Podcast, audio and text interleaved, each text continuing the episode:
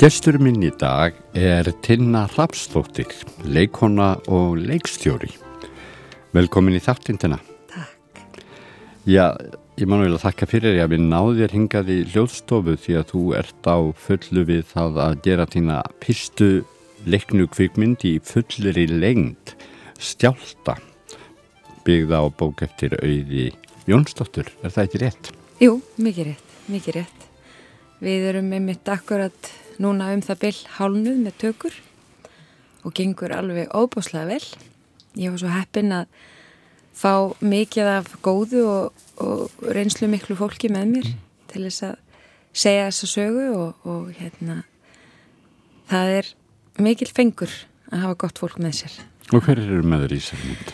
Uh, Tómasur Tómasson, hann er kvimdatökumæðurinn Uh, ég er með hana Huldu Helgadóttur í leikmynd. Uh, Anita Brím leikur aðhluturkið það mæðir mikið á henni. Við fylgjum henni allan tíman í myndinni. Segjum sögu personunar sögu. Og uh, já það er alveg magnað að einhvern veginn fá tækifæri til þess að segja sögu sem að snerti mig mjög djúft þegar ég las bókina henni rauðar Hvað, hvernig meðhundslar er bókina? Hvaða sagar þetta og hvernig, hvaða áherslur er hjá þér? Já Þegar ég las bókina þá snart kjarni sögunar mig djúft um, Ég sá strax leið að sögunni sem að hendar kveikmyndaforminu vel uh, Þetta er svona þetta er ákveðinu leiti ákveðin svona ákveði rannsóknarferðalag sem að þessi aðalpersona fer í. Hún þarf að komast að ákveðnum hlutum um sjálfa sig sem að ég sá fyrir mér að myndi henda vel fyrir kvindaformið vegna þess að við fylgjum sem sagt henni alfarið og fáum í raun og veru aldrei að vita meira en aðalpersonan og ég sá að það geti þá verið uh, skemmtilegt að byggja upp spennu með því að áhörundin veit ekki í raun og veru meira en hún.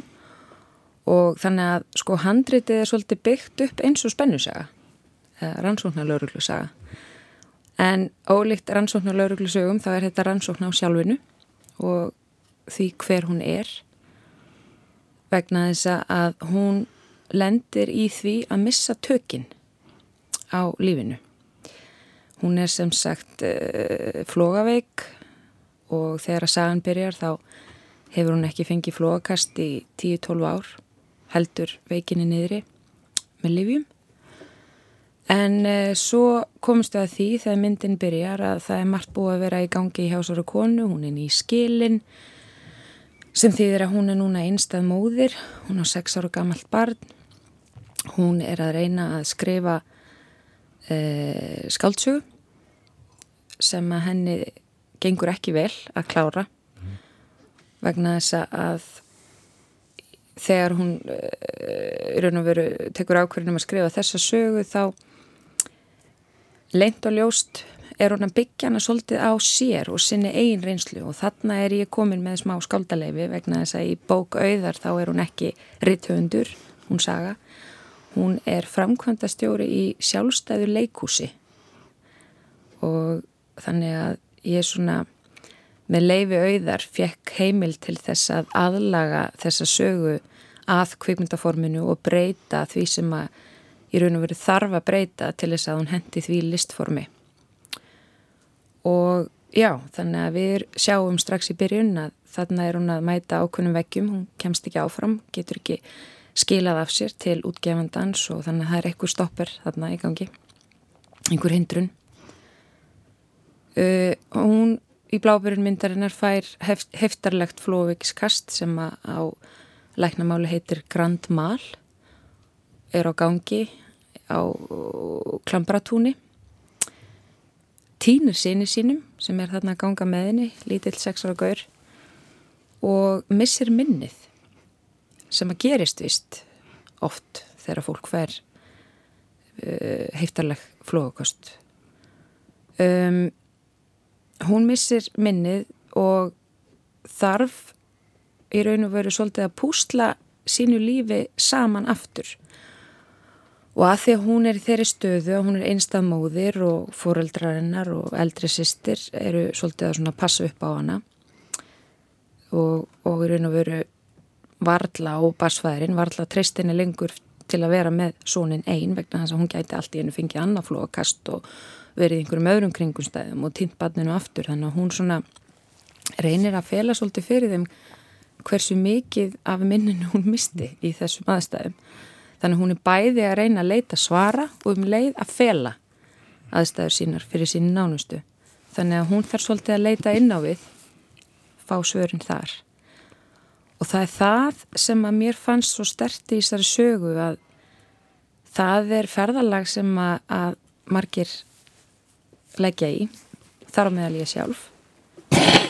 Og vegna þess að til þess að, ég veit ekki, fungara sem best í lífinu þá þarf maður svolítið að rannsakast eigið sjálf hver maður er, hvaðan maður kemur, af hverju maður er eins og maður er. Er eitthvað sem ég þarf að laga, taka til í til þess að geta einmitt verið staðar fyrir mín börn, mína fjölskyldu. Og við það að missa minni þá kafar hún djúft, leitar svara og kemst að því smátt og smátt þegar að sagan heldur áfram að hún býr að ákveðnu áfalli sem hún var fyrir í æsku þegar hún sjálf var sex ára og sama aldri og sonurinnar er. Og þá gerðist atbyrður sem að henni tókst að bæla niður. Þannig að þessi saga er líka um það fyrirbæri sem að kallast bældar minningar við erum ekki að segja í þessari sögu hvort að bældar minningar sé eitthvað sem að er eitthvað í af eða á eða að því að ég veit að þetta er hlutur sem er umdildur sem ég lækna að segja að þetta sé kannski ekki endilega rétt, bældar minningar geta verið falskar minningar. En enguða síður þá sem sagt er svolítið komið þarna inn á minnið og hvað við í raun og veru búum til okkar veruleika svolítið sjálf. Þannig að, mín skinnjun og veruleikanum er alltaf bara mín skinnjun, mín útgáfa því sem ég upplifi og svo er útgáfa annara, einhver allt önnur, jáfnveil af sömu atbyrðum.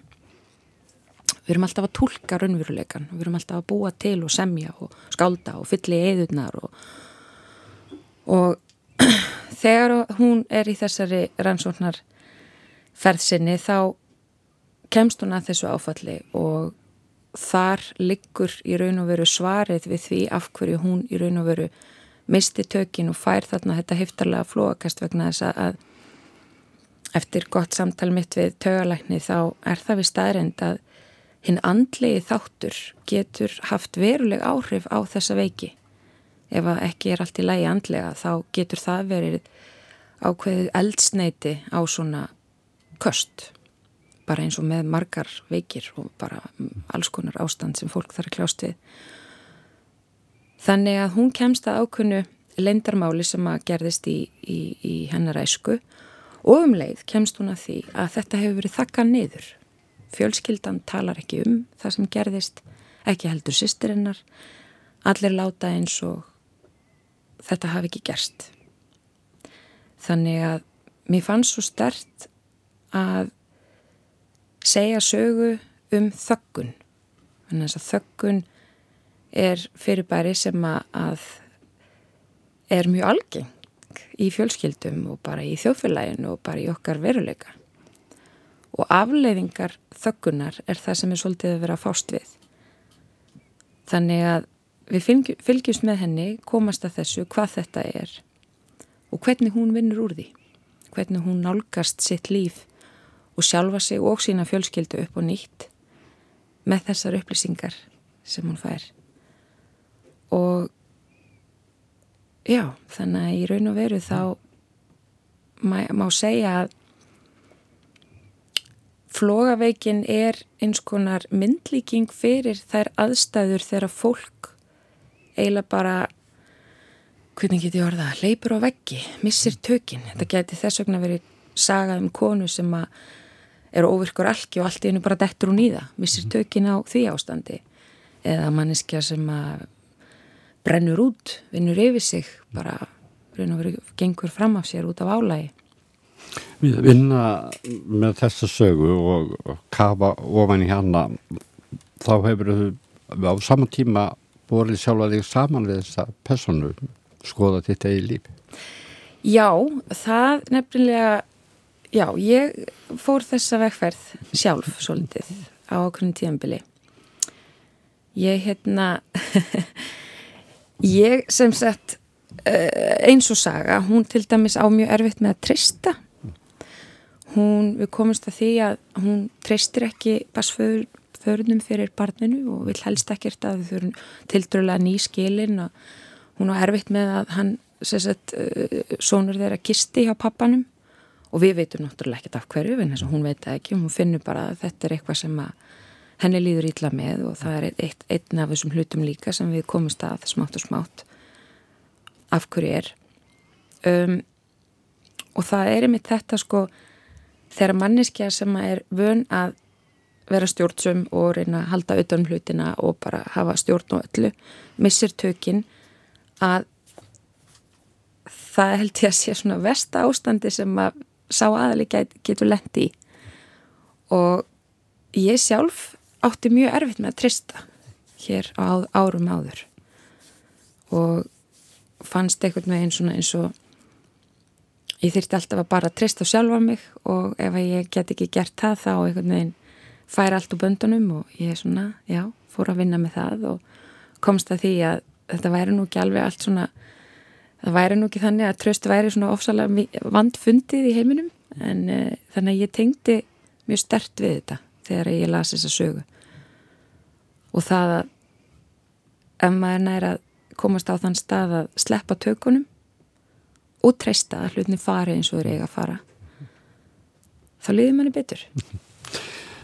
Nú ert þú útskrifuð leikona og hefur starfað sem slík bæði á sviði kvikmyndum sjómarpi En þú ert líka komin úr föðurætt eh, af bæði leikús og kvimdafólki.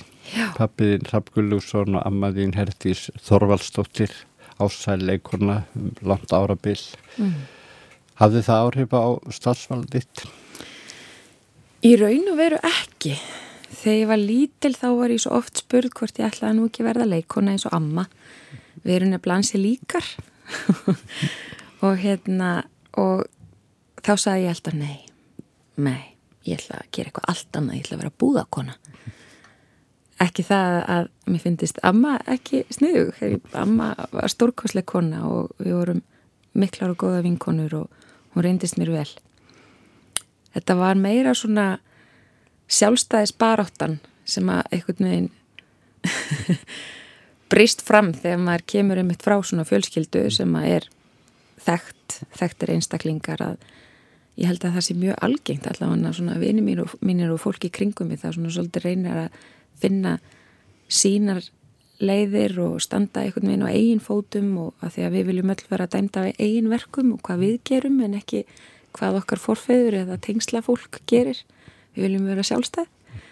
Þannig að ég lengi vel ætlaði sko ekki að verða leikona en uh, einhverja síður þá blundaði þessi löngun í mér og, og ég gerði tilurinn til þess að fara í aðra átt. Þegar ég kláraði mentaskóla þá tók ég eiginlega tók bara nánast kjenslu eh, hérna, bæklingin frá Háskóla Íslands og bara, já, já, hvað á ég að fara í? Og eiginlega bara svona, hm, byrju, hvar lendir puttin já, byrju, hér. Með lokuðu augun. Mm. ég ætla, já, hann lendi á lögfræði. Prófa lögfræði, það er eitthvað spennandi. Afið minn lög, minn er lögfræðingur. Gunnlegu Þórðarsson heitinn og hann er hann er svo klár, ég geti þetta öruglega alveg eins og hann. Þannig að ég prófaði að fara í lögfræðina í Háskóli Íslands náði að vera þar í eina önn en gafst upp fann að þetta var ekki fyrir mig. Um, svo ákvæði ég að fara í bókmyndafræði þannig að ég er mikið áhuga bókum og bókmyndum og þar fann ég mig mun betur. Í bókmyndafræðinni kynntust við rjóman af heimsbókmyndunum og lásum leikreitt og vorum að greina þau og og þar var einhver taug sem að hérna kveikti í mér löngunina til að fara lengra með þetta. Ekki bara sitja og ræða málinn og skrifa rítkerður um bókmyndir heldur kannski líka tólka og tjá það sem maður var að lesa. Þannig að ég ákvað að þreita eintökuprófin í leiklisskólan þegar ég var búin með tvö og hálft ár í mínu bíanámi í bókmyndafræði og ég sagði engum frá því nema minni bestu vinkonu bróðu mínum við erum miklu vinnir, ég og Kristján Þorður, bróðu minn og mömmu. Mamma fikk líka að vita og bara, bara þau lofuð að segja ekki neinn þannig að ég vildi einmitt ekki heyra. Ég sagði þér það að þú myndir verða leikon og, og svo kannski kæmist ég ekki inn og veit ekki hvað hvað. Þannig að ég var óalega döl með þetta allt saman. En svo gekk þetta að óskum og ég komst inn. Og þá náttúrulega fekk ég að heyra ég sagði þér að ég komst ekkit hjá því að heyra það.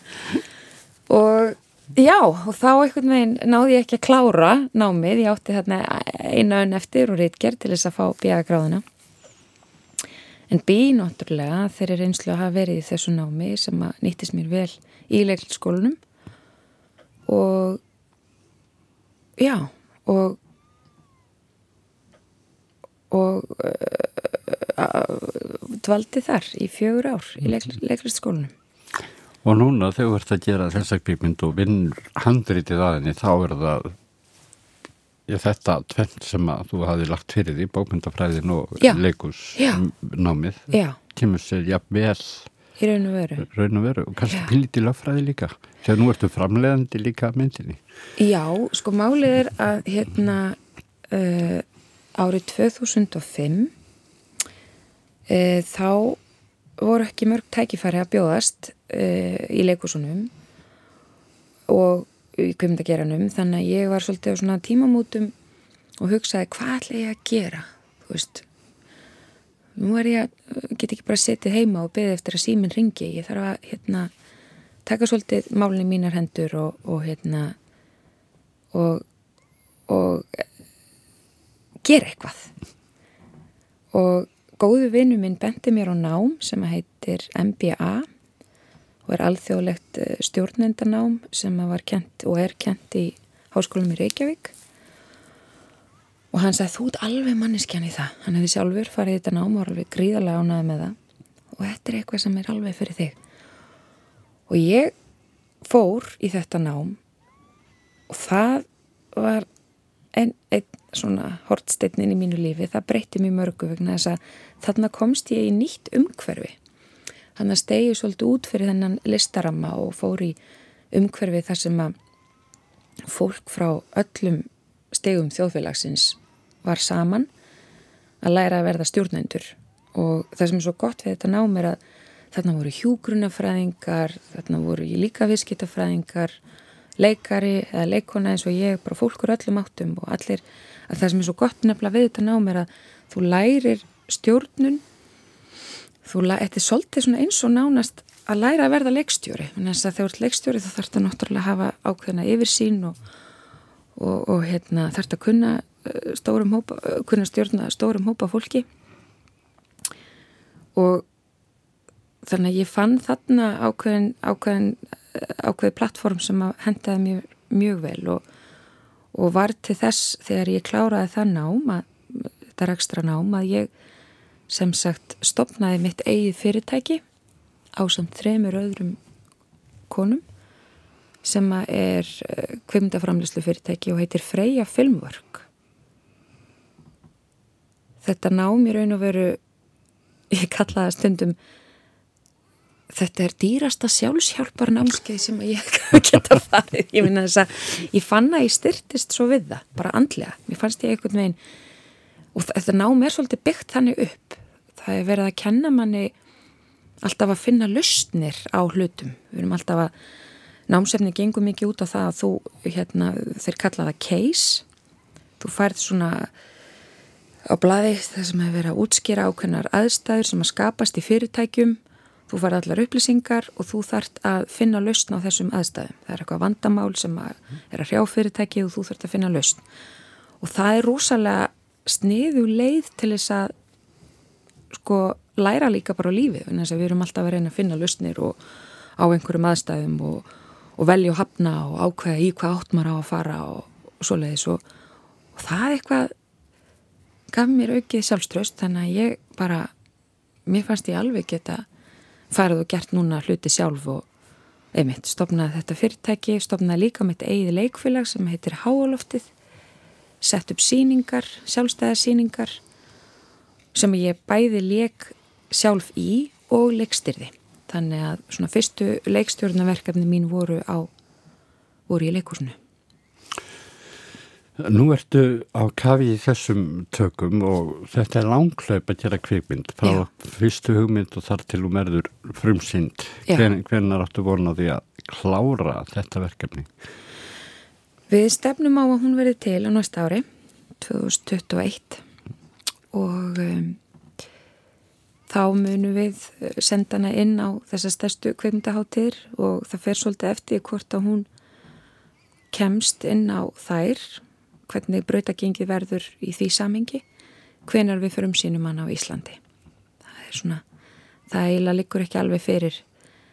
Maður reynir alltaf fyrst að koma henni inn á einhverjar stórar hátíðir erlendis vegna þess að það er svo gott að það er veru það sem að skiptir kannski mestu máli fyrir leikstjóran og talningum þegar maður er að gera svona fyrstu kveikmynd það er veru markast svolítið að því hvar í heiminum hún er frumsýnd hvort að þú ert tekin um borð sem alvöru leikstjóri mhm. skilur, mhm. það er svona já, og við Íslendingar höfum verið alveg ótrúlega farsæl í þessum geira mhm. það er bara hver önnur kveikmyndin framleitt, íslenska kveikmyndin framleitt sem að er að detta inn á stærstu hátíðnar, við erum á Cannes, við erum í Toronto við erum á Feneum þetta er alveg, það er alveg magnað hvað þetta leitla land er að framleiða sko uh, góðar kveikmyndir En við, þessu litla landi er líka þá vantarlega erfitt að fjármagna á svona dýrt dæmi. Þetta er mjög dýrt að gera svona kveikmynd Já, það er það, það, er það. og mikil ábyrð fyrir þig að halda vel utan um allt Já, svo að fara ekki úr böndum. Það er það, það er erfitt og það sem að veitti þessu verkefni brautagengi var það að í fyrsta lagi þá er náttúrulega mikil fengur fyrir mig að hafa fengið réttin á þessari bók. Þá þegar ég fekk réttin á henni þá var þetta nýjasta skáltsaga auðar. Og það er ekkit oft sem að sko nýjustu skáltsögunar að, að leikstjórar fái réttin af þeim strax. Stundum líður langu tími þanga til að veit, rétturinn er veittur. En árið 2016 þá áttu við auður gott samtal og og við þekkjast ágætlega þannig að hún, hún vissi að ég tengdi persónlega líka við þessa sögu og myndi koma til með að setja svolítið af mér sjálfur í hana. Þannig að hún treysti mig fyrir því að segja þessa sögu með mínu nefi og og bæði það að þetta er meðsölubók, verðlunabók farsall höfundur þá gerðist það líka í þróun þessa verkefnis að ég var mjög döguleg að sækja um vinnusmiðjur Erlendis sem eru hluti af þessum stóru kvikmyndaháttum sem ég var að nefna áðan. Og það er erfitt að komast inn á þessar vinnusmiðjur. Það er margir um hýtuna og fáir sem komast að. En einhvern veginn og uh, tókst mér að komast inn á vinnusmiður sem að, eru mikilvægar og skapa ákveðin tengsl.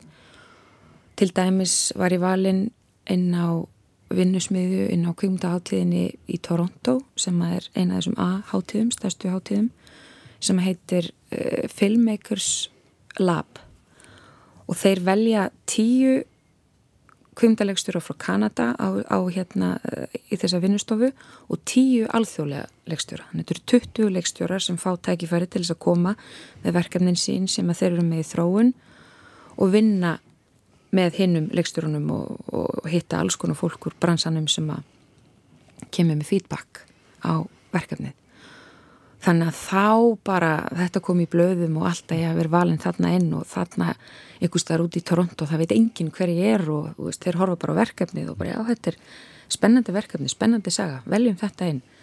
Þannig að, að þar kom svona það var fyrsta skrefið ég átt að farsælt þessa verkefnis og, og svo voru fleiri vinnusmiður sem að ég sóttum ég komst inn á uh, hvað heitir það? það heitir hérna á kvimtaháttíðinni Tallinn það heitir Script Lab að með minnir mann ekki alveg hvað heitir það er alveg kvimtaháttíðinni Tallinn hún er uh, líka eina af þessum aðháttíðum og það þá sérstætt uh, baust mér færi á að fá sérstætt feedback á handritið frá handritaráðgjöfum og ég er búin að vera ofsalega duglega að láta einmitt sagt, erlenda aðila lesa yfir handritið og fá nótur, punta vegna þess að, að, að hérna, það er meirinn að segja það að taka heila bók og gera úr henni kvikmynd.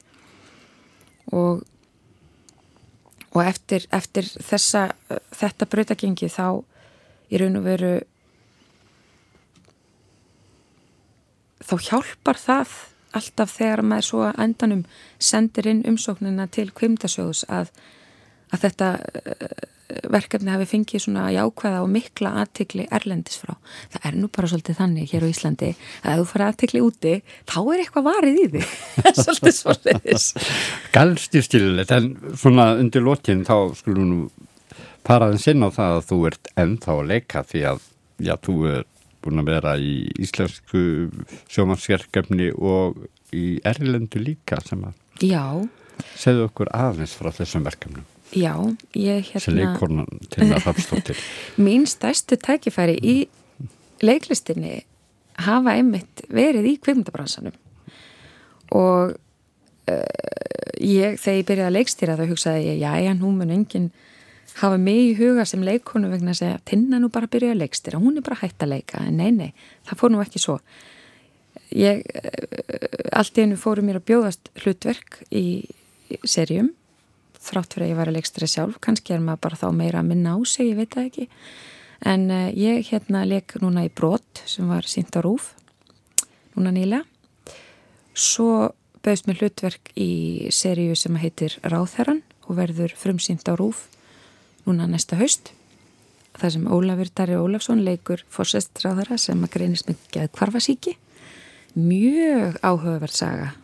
Þar er pólitíkin tekinn förstum tökum. Og ég held að það svo seri að verði þakklátt innlegg inn í okkar eh, seriuflóru, þetta er svolítið svona öðruvísi. Og hvað leikur í þeirri serju? Einar ekki sáðar Þú líka ráðar, þannig að þetta gæti verið líka fyrir þitt hlutverk Já, nákvæmlega. Ráþæran Ráþæran En það var mikið og skemmtilegt verkefni og frábært og ég hlakka til að sjá afræksturinn af því. Um, Já, svo uh, var ég kulluð í pröfu bara núna fyrir nokkru vikum uh, fyrir danska kvikmynd. Það er sérstætt verið að fara að filma núna kvikmynd sem að heitir Margaret den Förste eða á ennsku, heitir hún Queen of the North og fjallar um Margareti e, fyrstu, Danadrottningu sem að stopnaði Kalmarsambandi og það er svo merkilegt að hennar saga hefur aldrei verið sögu kvítatjaldinu, það var alveg stór merkileg kona. Og ég fór í pröfu, þeir vildu fá uh, tvær íslenskar leikonur til þess að taka þátt í þessu verkefni. Og við vorum hann einhverjar sem að fóru í pröfu og mér hlotnaðist hlutverk í þessari kveikmynd og Haldur og Geir þars líka hún verður hérna líka með mér. Og sem er alveg magnað. Ég er alveg ótrúlega spennt og glöð að fá að taka þátt í þessu en þar sem að kannski setti örlítinn skugga á þetta var að þetta er alltaf gerast á sama tíma og ég er í tökum og skjálta þannig að ég var, var pínustressuð að þurfa að segja mögulega nei við þessu verkefni en ég er bara með svo frábært krú með mér, ég er með svo gott fólk með mér að með góðri skipulagningu og og með þennan frábæra framleiðanda, hann að Hlín Jóhannesdóttur sem að sáti þess að ég gæti gert bæði. Þannig að ég er núna hálnuð með tökur á skjálta sem er ganga ásalega vel og er núna bara upp úr háti að keira út á keflauguflugöll að fljúa til Prag að fara að taka upp minn fyrsta tökudag, núna lögadaginn, kem svo aftur á sunnudaginn, held áfram að leikstýra skjálta í viku, fer svo aftur út til Prag og leik í myndinni, kem svo aftur heim, held áfram með skjálta, ég fyrir fjóru sinnum út. Og hva, hvað er þetta að fara að leika í þessari mynd? Ég er að fara að leika aðstóðarkonu drottningar, þannig að þetta er alveg ágætis rulla. Og fæ að leika þarna á móti minni uppahalds leikonu á Norðurlöndunum henni Tríni Dýrholm sem að leika gró í erfingjónum. Þar sá ég hana fyrst og hugsaði vá þessi er alveg mögnu hún er alveg stórkoslega leikona og ég var svo glöð þegar ég fekk handriti það sá ég, já, herðu, ég er með senu á móti henni, yes! Hún var núna í svona eða frægustu dansku myndinni sem að var nýlega frumsinn drottningin. Já, einmitt. Önnu drottning. Önnur drottning. Já, Hún er svona svolítið drottning leikverna á Norðurlöndunum í kvikmyndum. Heldur betur, hún er með þess svona aðals áru einhvern veginn, hún er svo hún er svo mögnuð, alveg ótrúlega ótrúlega flott. Og svo er bara rjóminn af, af þessum norrænu leik, leikurum að taka þátt í þessari mynd. Það er hérna, mann og ekki hvað hann heitir en ég er nýbúin að horfa á Exit þættina, hefur þú séð þá? Nei, ég er ekki búin að sjá, ég ætla að hám horfa á þá. Þú er að horfa á þá, þeir eru Já. alveg rosalegir. Ég ætla að háma það í mér Það er eitt leikari sem að, eins og ég segi mann ekki hvað heitir, en, en hérna, hann er að fara að taka þátt í þessu verkefni líka og, og það er alveg fullt af leikurum sem ég hlaka mikið til að kynnast og, og ég er líka bara að vona að þessi klukki uh, muni jafnvel opna á fleiri tækifæri út fyrir landsteinana. Þetta er orðið mjög algengt í kvikmyndagerð núna í heiminum að það er að, að leikara bara á ymsum löndum eru að leika saman í Já. kvikmyndum. já, Þetta er svona nánast tíska. Já, það er merkilegt. Við, sko, eins og þessi sem ég var að tala um sem að leikur í Exit, hann er, eh, ég held að hann er sagt, norskur, ég er íslensk, hún er dönsk, svo held ég að séu líka sænski leikar en við erum öll að leika á dönsku. Og hvernig gengum við dönskuna?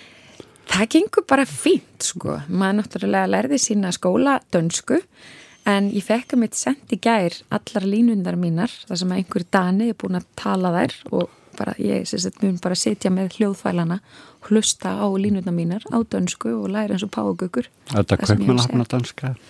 Já, just, ég veit það ekki. en við, við, hún verður sem sagt skotin í Prag sem að er mjög skemmtilegt. Ég er óbáslega fallið borg, þannig að, já, en þannig að þetta er alveg, við verðum hérna í einhverju höll í Prag að leika þetta. Og svo gaman að segja frá því að þessi kvikmynd verður svo setna á setnistegum klift yfir í e, míniserju, þryggja þátt að míniserju Fyrir sjómarp. þannig að þetta verður, þessu verður dreift við það En fór þeirra verður frumsynd á undan kvikmyndin? Já. Þess stærra batteri sem vinnur hraðar. já, já þá verður örgulega einmitt eins og ég sagði á hún reynd við kvikmyndaháttíðarnar og allt það